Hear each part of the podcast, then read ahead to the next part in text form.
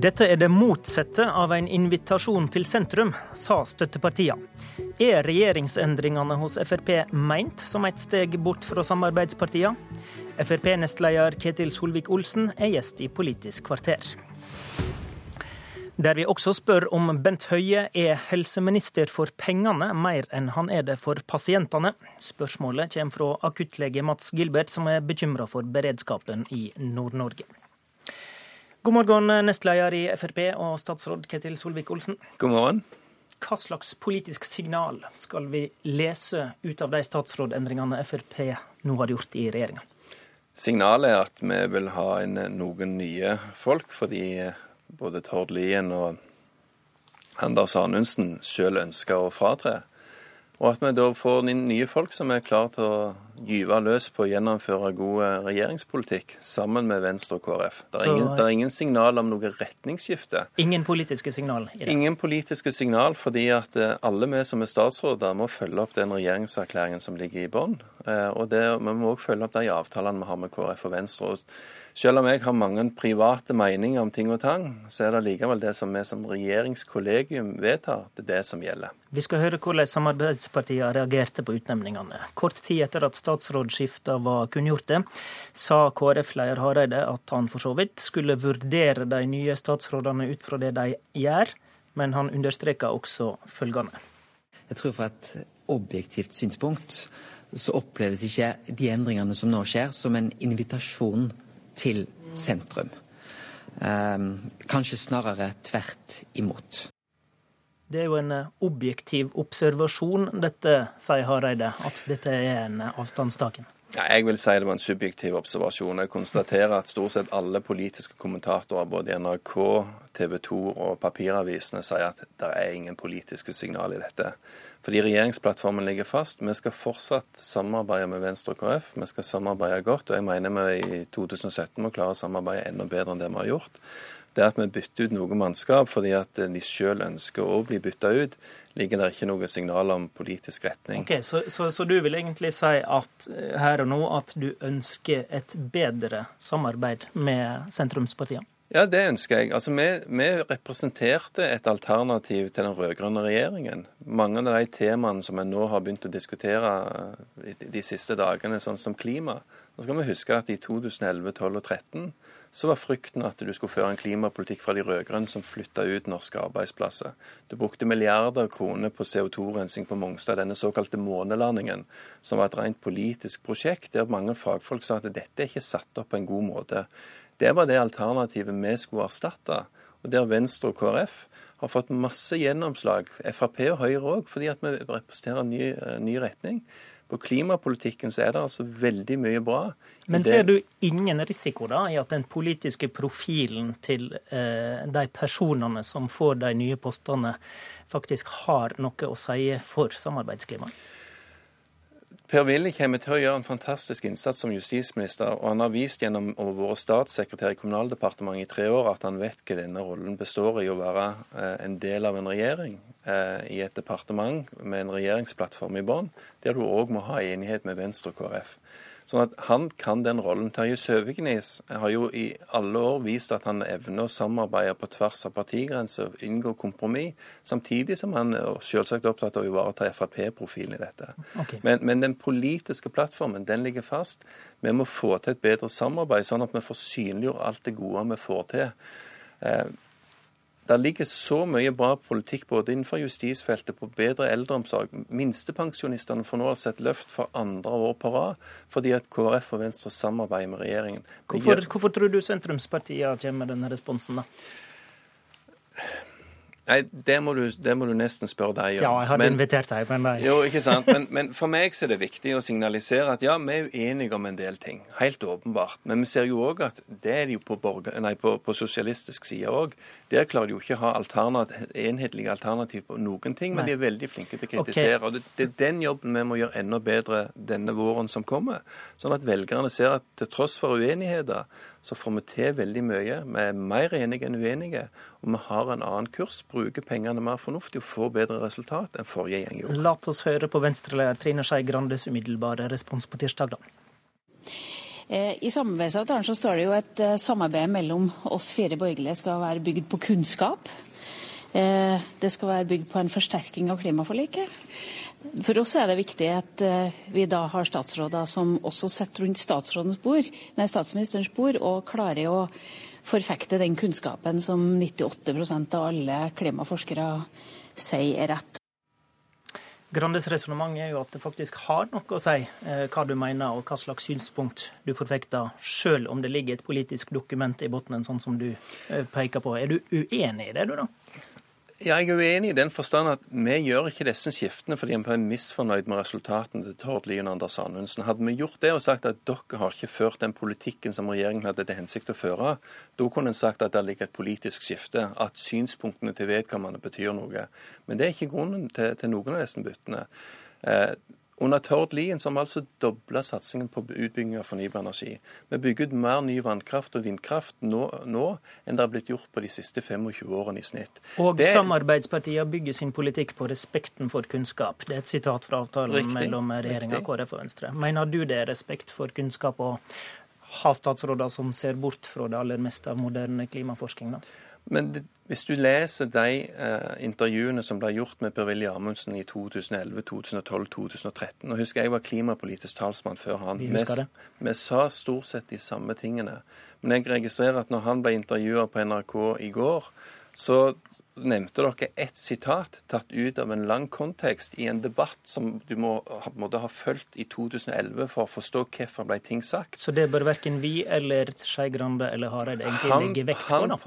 Det, det, som Per-Willy ofte eh, var ute i debatter på, det var når du fikk miljøvernere som, som, som kobla enhver flom opp mot menneskeskapte CO2-utslipp. Og Det mener jeg er spekulativt. Det mente Per-Willy Amundsen var spekulativt. Og det var òg mange klimaforskere enige i at du kan ikke dra de sammenhengene. Og Da kan du ikke ta én setning fra Per-Willy Amundsen sagt i en argumentasjonsrekke mot miljøbevegelsen når de kobler enhver værfenomen opp mot CO2. Og der han påpeker vet du hva, det finnes òg mye naturlige svingninger. Sola betyr mye. Men i noen av de artiklene som NRK linker på sine sider, så vil du se at Per-Willy òg sier at naturen betyr mye, men mennesket betyr òg litt. Tror du på bedre samarbeid med sentrumspartiene som er opptatt av klimapolitikken, da? Ja, det tror jeg. fordi at det vi opplever nå Jeg husker etter valget valgseieren i 2013, så måtte jeg ut og forsvare at Norge ville fortsatt kunne samarbeide internasjonalt. Vi måtte ha en egen pressekonferanse for å si vet du hva, dette er ikke stoppen på diplomatiet for Norge bare fordi Frp sitter i regjering. Det var tidlig, det. Jo, ikke sant. Men hvor mange i dag opplever at det er vanskelig å forholde seg til Norge fordi Frp sitter i regjering? Ingen. Åpenbart Grande og Hareide. Jo, men vet du hva, det er det, det, det resonnementet jeg prøver å dra. Denne kritikken har vi òg fått tidligere. Vi har vist den feil gang på gang på gang. Det var mye kritikk mot dagens barne- og familieminister Solveig Horne for de ting hun hadde sagt. I dag så er hun veldig respektert. og Derfor er jeg veldig trygg på at når eh, folk får se det Per-Willy Amundsen leverer som justisminister, og det regjeringen fortsatt leverer innenfor klimapolitikken, så kommer folk til å si vet du hva, den debatten vi har hatt i disse dager nå, var helt urelevant i forhold til regjeringens profil, i forhold til eh, Per-Willy som justisminister. Og jeg tror han kommer til å overraske litt med at han både viderefører alt det sterke Anders Andersen har gjort, men at han òg gjerne kommer til å få få litt flere tema som dere ikke har hatt så mye oppmerksomhet på tidligere. Som Tida. Venstre og KrF kommer til å sette pris på. Tida vil vise. Takk til deg, Ketil Solvik-Olsen.